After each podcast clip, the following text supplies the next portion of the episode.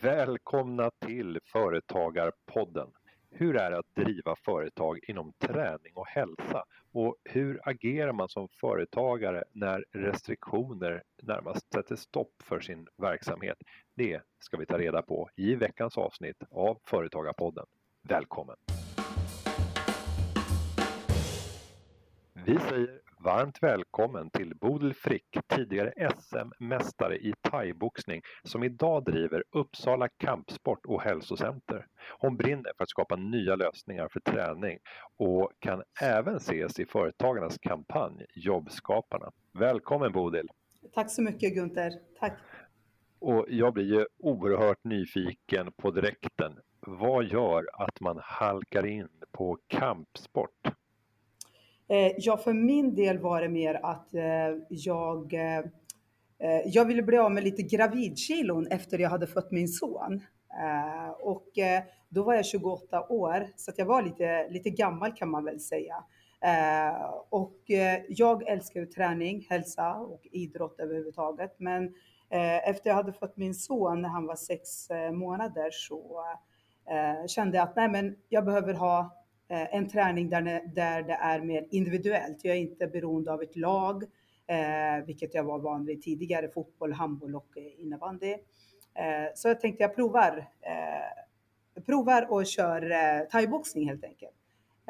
Och direkt så kände jag att det här var min grej, tyckte det var superkul och jag kunde träna hur mycket jag ville utifrån mina egna förutsättningar.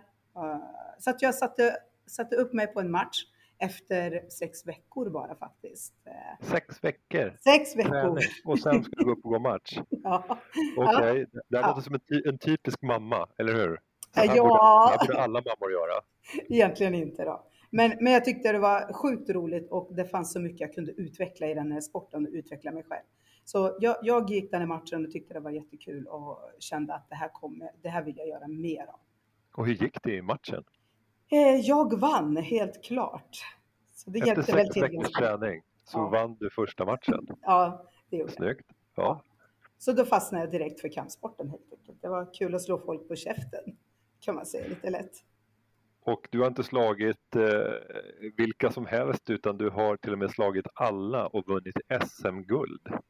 Ja, eh, kanske inte alla. Jag har ju gått 35 eh, thaiboxningsmatcher i full kontakt. Eh, vunnit 20 och förlorat eh, resten. Så att jag har inte tagit alla, men, men självklart, jag har ju satsat på elitnivå, vilket är eh, det är inte så vanligt efter man har fött ett barn och man är 29 år och ja, 28, 29 där. Men eh, ja, jag gjorde väl någonting som någon annan inte hade gjort.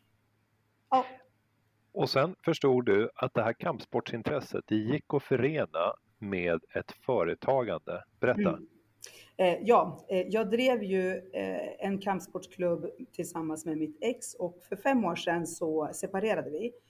Eh, och då kände jag att vi jobbade ihop ett år till tillsammans men kände ändå att eh, jag vill göra det här på mitt sätt utifrån eh, mina tankar, vad jag vill utveckla inom träning och hälsa och ihopkopplat med kampsport. Så att då lämnade jag eh, det gymmet, startade upp ett eget gym och eftersom jag redan hade ett namn i Uppsala då, där jag håller till, ehm, så fick jag med mig en hel del människor och nya människor. Ehm, så det gick bra från, från början, från första månaden kunde jag betala hyra och ta ut en liten knapperlön.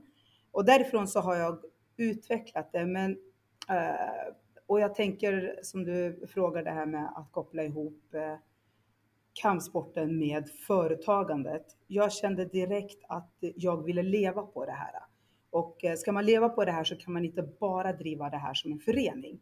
Utan jag ville starta ett eh, bolag och kunna utveckla till mycket mera än bara träning, träning och kanske sälja kläder eller eh, hålla föreläsningar om träning, hälsa, välmående. Så då startade jag upp ett aktiebolag. Eh, ja, det är på den vägen då.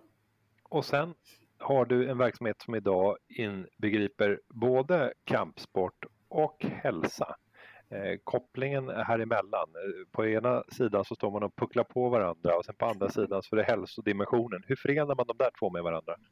Jo, eh, man kan säga att 99 procent som kommer och tränar på vårt gym är de som vill komma i form eller hålla sig i form. Men de tävlar inte. Och man kan säga att 1 procent eller mindre tävlar.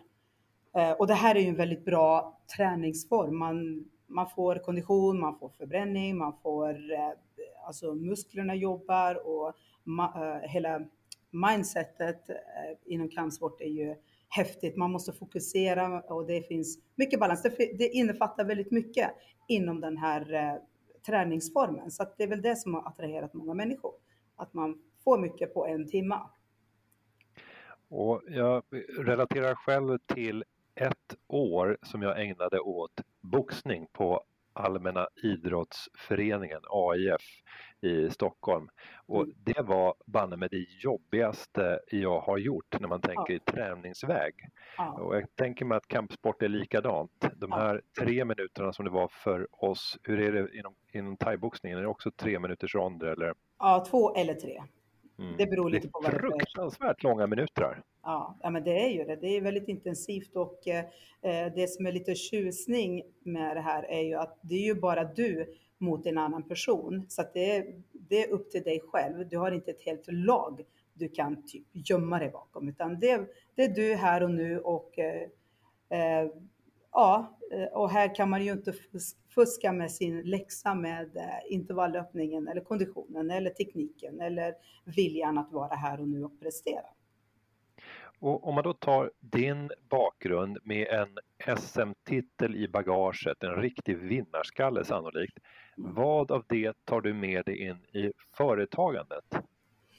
Eh, dels är det ju att viljan att eh, kämpa hela tiden, för den är ju rätt unik för elitidrottare. Att eh, man kanske misslyckas men man kör på igen. Och just det att man letar efter vad är svagheterna, vad går inte bra och försöka göra det bättre och bättre.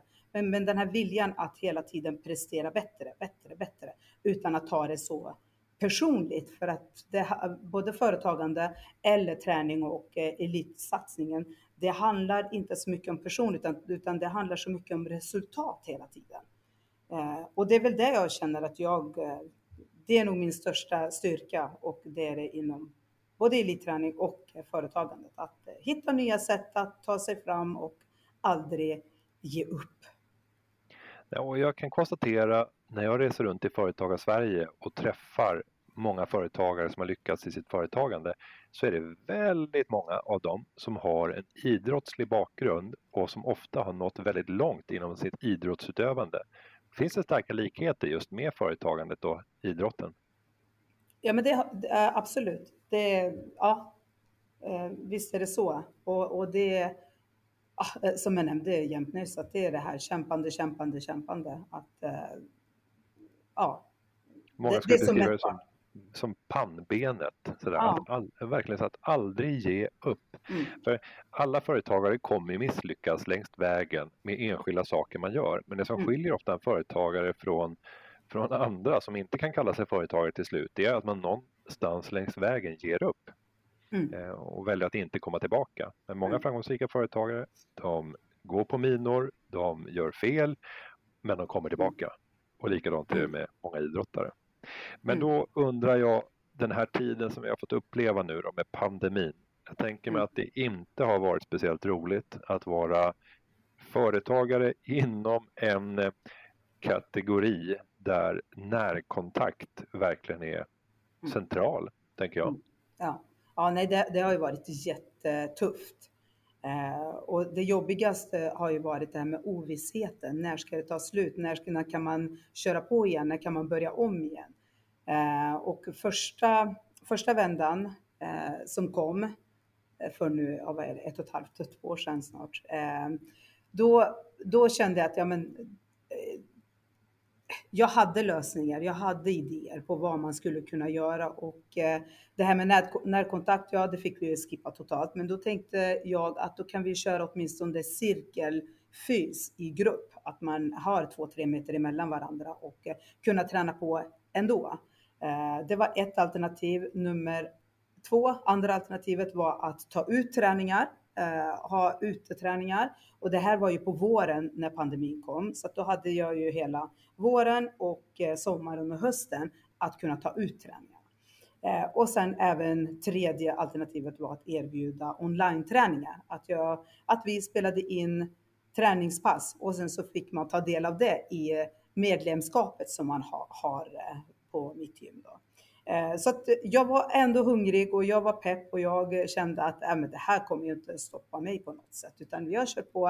Eh, jag lyckades behålla en hel del, men sen så ju längre tiden gick och det blev inte bättre med pandemin så vart det, eh, då blev det tuffare och tuffare. Ja.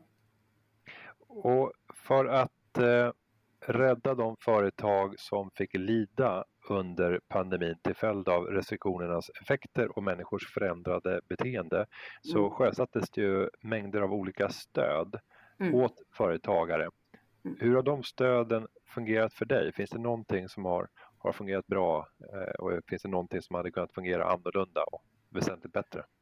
Eh, det, jag hade ju det jag gjorde för två år sedan, nu, exakt två år sedan, eh, i september, var att jag utökade, utökade min verksamhet med alltså fyra gånger större än vad jag startade med.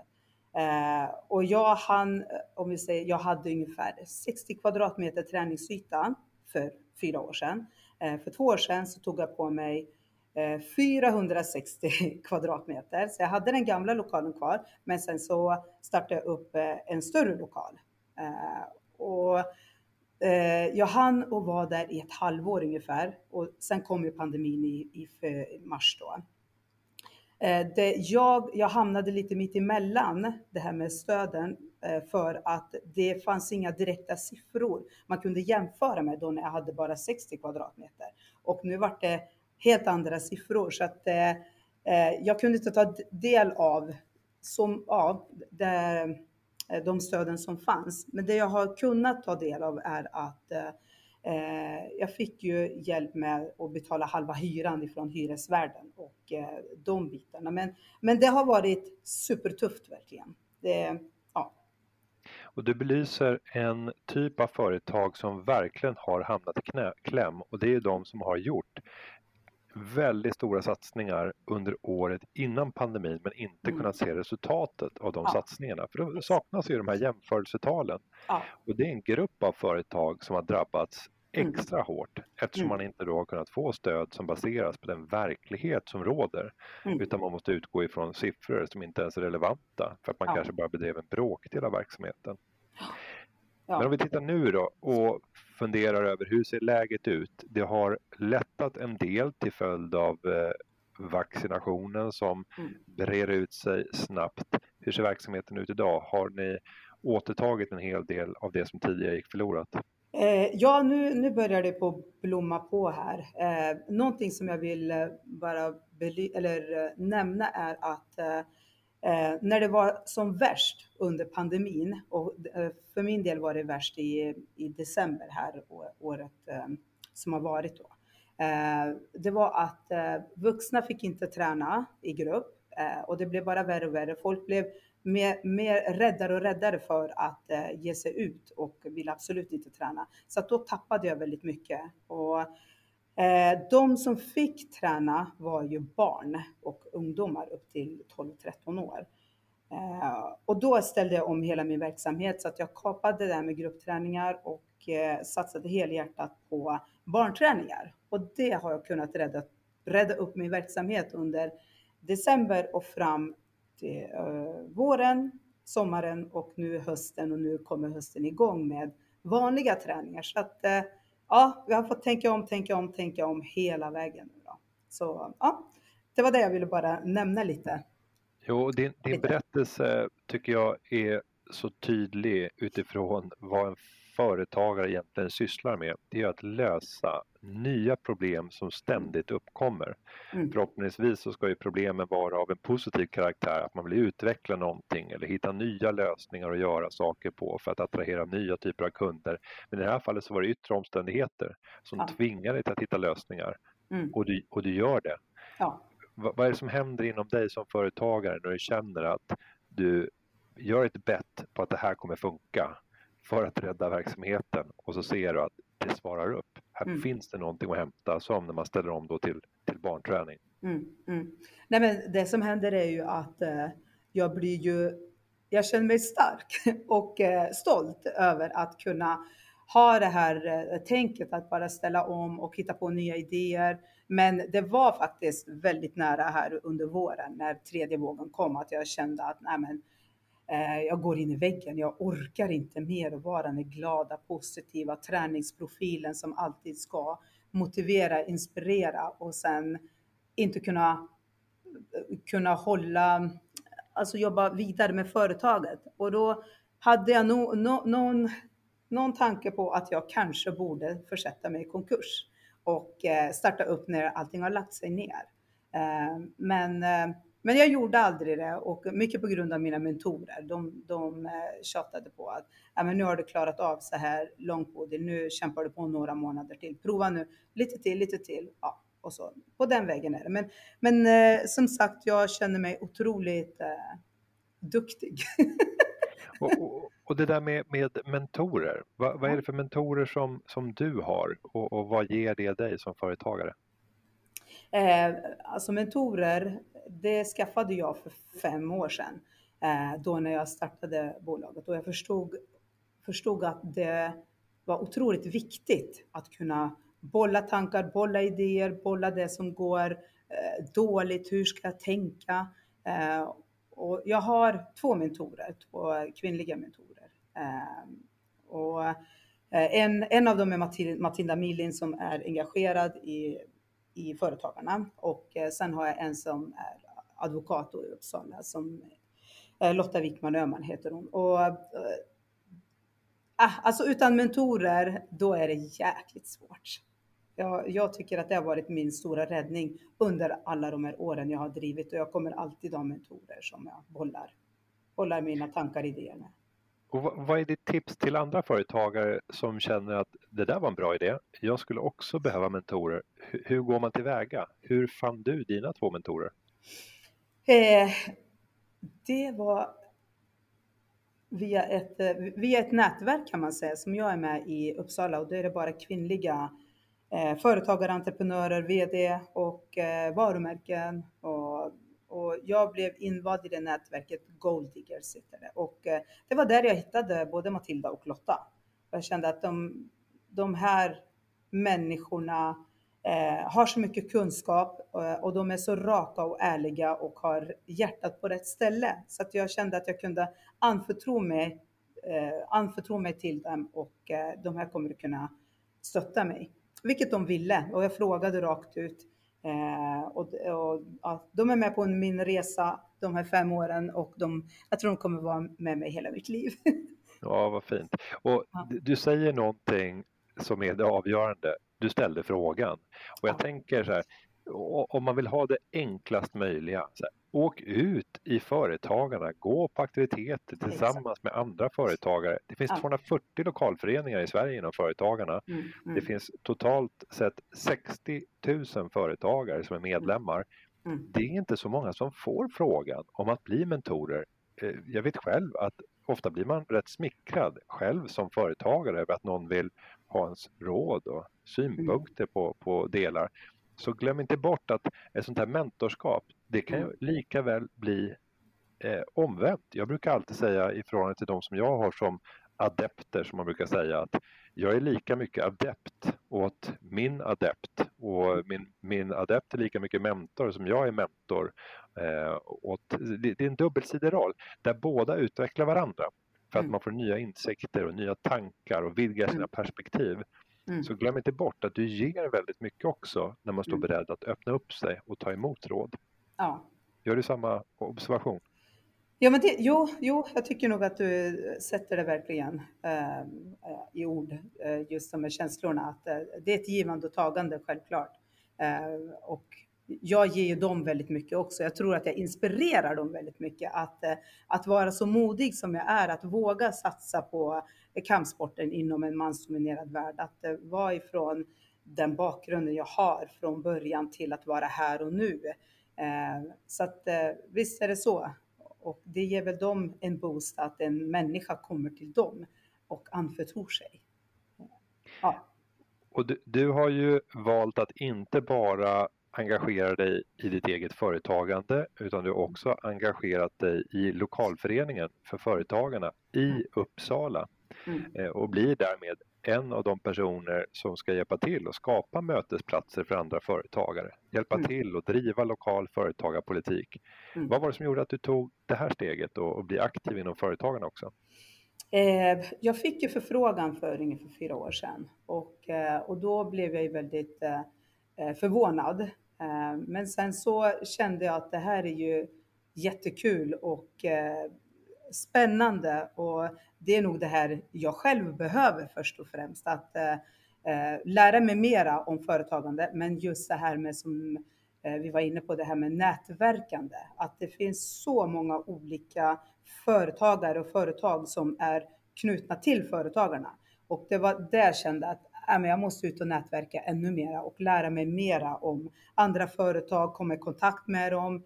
Eh, ja, det var nätverkande som jag kände att det här var, ja, som jag ville komma åt. Och jag brukar alltid säga till alla företagare som engagerar sig inom, inom företagarna att man ska vara lite egoistisk också och ja. tänka vad vill jag ha? Om jag är en vanlig medlem, vilka typer av aktiviteter, vilka typer av nätverksmöten skulle jag vilja ha? För det är sannolikt så att du är inte ensam så att säga, din egoism den återspeglar också egoismen som finns hos många andra medlemmar och så plötsligt så ser man att det finns ett kollektivt intresse av att ses, utbyta idéer under de former som du tycker är mest givande. Mm. Så att, att utgå ifrån sig själv för att skapa aktiviteter som man själv hade velat gå på, mm. Det tror jag är nyckeln för att, för att lyckas. Ja. Sen vet jag ju att du är ju också en flitig föreläsare. Jag kan tänka mig att det senaste ett och ett halvt året har varit utmanande även inom den delen. Mm. Eh, men, men, berätta om ditt föreläsningsben också, inspirationen du vill ge genom föreläsningar. Ja, eh, precis. Och innan pandemin där så var jag ju eh, min plan var att föreläsa lite mera och släppa att vara på golvet när det gäller träningar eh, och släppa det åt de andra tränarna. Men när pandemin kom så satte det stopp för det här med föreläsningar. Men nu har jag eh, kunnat kört några digitala föreläsningar, men nu har den delen blommat på igen också. Och eh, jag, jag föreläser dels om träning, hälsa och välmående såklart, men eh, men även att eh, jag jag själv är född i eh, Bombay, i, i slummen i Indien. Eh, och som sexåring så blev jag eh, lämnad på ett barnhem. Och som sjuåring, jag bodde där på barnhemmet i ett år. Och sen när jag var sju så blev jag adopterad till Sverige, till Värmland. Och jag, det jag föreläser om är att, ehm, att våga drömma, att våga satsa, att eh, vi bor i Sverige och det finns så otroligt många möjligheter. Och det är mycket, mycket kan gå fel, men det är inte hela världen, utan man har chanser på chanser. Och jämför man, som jag, en liten flicka ifrån slummen i Bombay, där, man, där vi varken hade mat, vatten, kläder på kroppen, så bör man se att där finns det väldigt få chanser, nästan ingen, som kvinna till och med också. Eh, och sen hamna och eh, man jämför det med Sverige. Vi har mat, vi har tak över vatten eller tak över huvudet och vi, vi har det mesta och vi har utbildningar och du behöver knappast ha några pengar för att utbilda dig. Det finns kurser och det, eh, alltså det här är ju möjligheternas land och vill du starta företag inom vad du än vill så kan du egentligen göra det, för det handlar mycket om din egen vilja och din egen gnista. Eh, ja, det är det mycket det jag pratar om. Eh, och det, det jag hör här, det är ju också det jag tycker att jag ser runt om i Sverige eh, och det är en eh, inställning där vi tar så mycket för givet eh, och har tappat den här kanske gnistan och tacksamheten över vilka fantastiska förutsättningar vi har. Det är lätt att gnälla över saker som inte fungerar. Ja. Men titta på det smörgåsbord som bara uppdukat framför dig av möjligheter. Mm. Och, och, jag tänker för en, en, person som du som kan tänka dig in i situationen, vad hade hänt om du inte fick göra den där resan? Vad har hänt med andra eh, flickor som fortsatte, fick mm. bo på barnhemmen och sen, ja, vad är det mm. sannolika utfallet ja. i, i, en sån verklighet? Mm. Det blir en, annan, en annan ödmjukhet och kanske också ett annat eh, jävlar anamma. Ja. Eh, när man vet ja. vilka möjligheter som, som finns. Eh, ja. ja. Mm.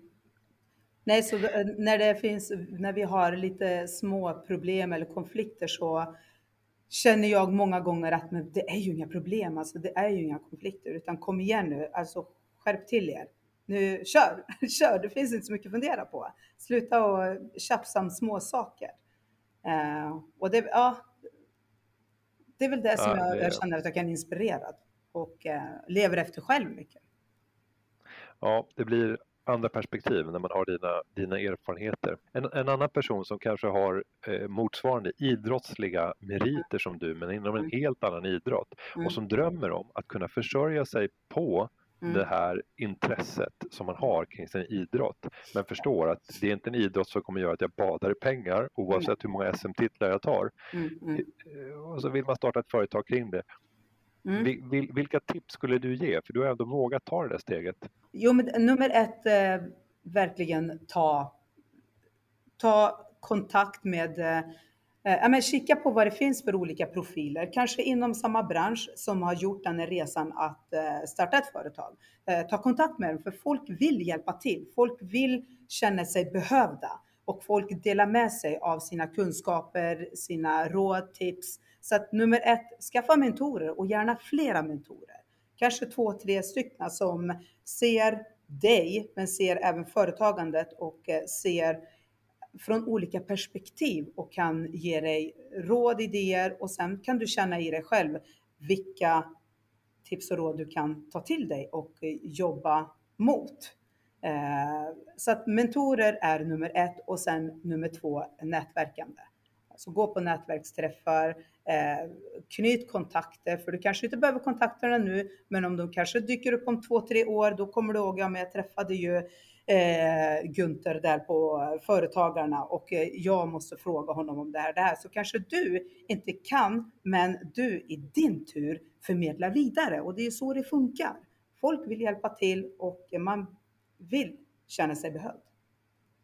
Och jag tänker också en, en outnyttjad resurs som många av oss har, det är ju alla kontakter som finns i sociala medier. Att bara mm. gå ut och göra en, en shout-out och säga så här, jag behöver hjälp med följande.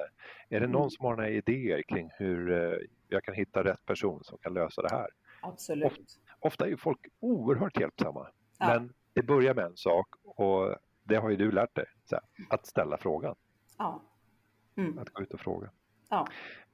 Ja, inspirerande att, att få lyssna till dig. Om du nu får avslutningsvis spänna bågen och fundera över din egen verksamhet och var den kommer befinna sig om, låt oss säga tre, fem år. Uppsala kampsport och hälsocenter.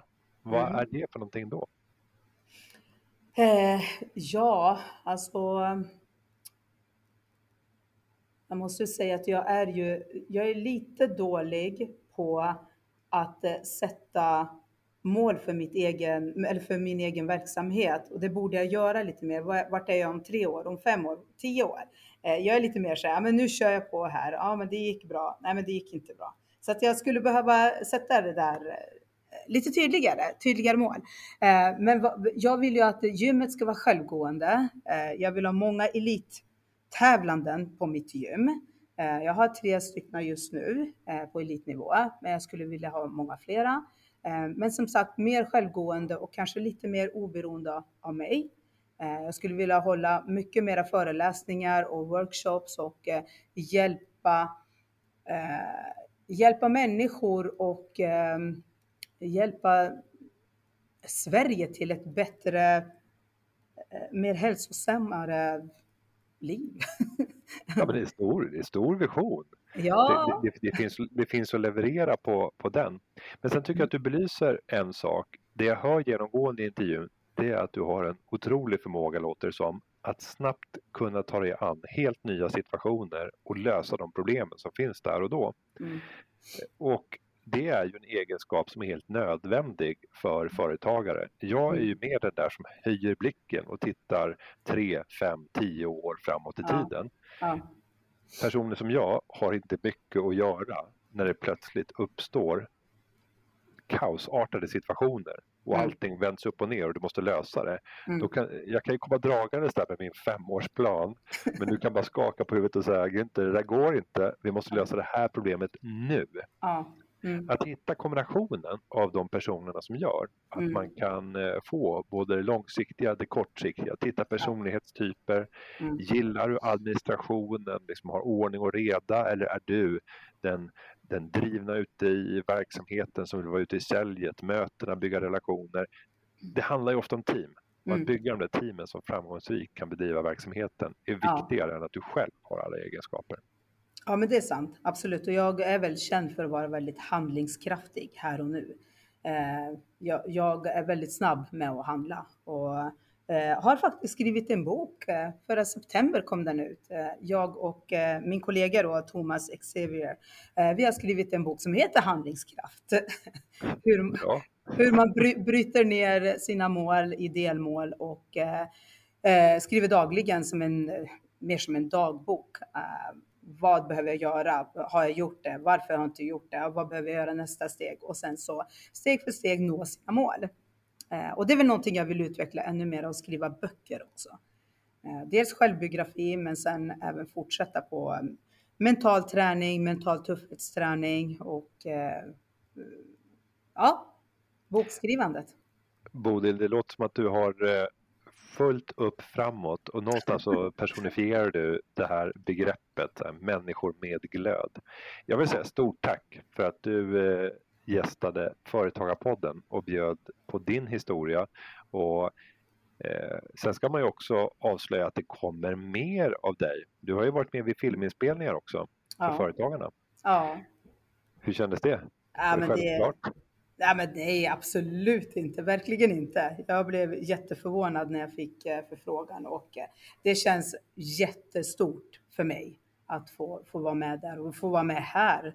Ehm, och ja, nej, jag känner mig fortfarande som eh, lilla Bodil som kommer ifrån slummen eh, ifrån Indien. Men det, det känns jättestort för som eh, jag tror jag skrev på något Jo, men på Facebook på, på ett inlägg uh, när jag, ni gjorde en liten intervju i, om mig i Företagarna tidningen och när jag uh, fick förfrågan att uh, engagera mig i, eh, i Företagarna som ledamot så tänkte jag gud vad häftigt att få vara med i den här tidningen Företagaren. Jag kommer aldrig hamna där, men, men jättehäftigt. Och sen så har det bara så här tickat på, tickat på och eh, äh, det är jättehäftigt. Jag är så otroligt tacksam, verkligen. Vi är tacksamma för det du gör för företagandet i Sverige och för hälsa och för idrotten. Jag tror att du inspirerar väldigt många människor. Och för den som vill se den här kommande filmen så finns det en filmserie som företagen har tagit fram som heter Jobbskaparna som går att hitta på företagarna.se och där kan man få se den inspirerande filmen om jobbskaparen Bodil Frick. Stort tack för att du kom till Företagarpodden. Ja, och tusen tack för att ni bjöd in mig. Tack. Tack. Och jag, och jag ska säga att klippningen av den här podden den är som vanligt gjord av Petra Cho och underlaget det är skrivet av David Hagen. Vi hörs igen nästa vecka, precis som alltid. Nu kör vi!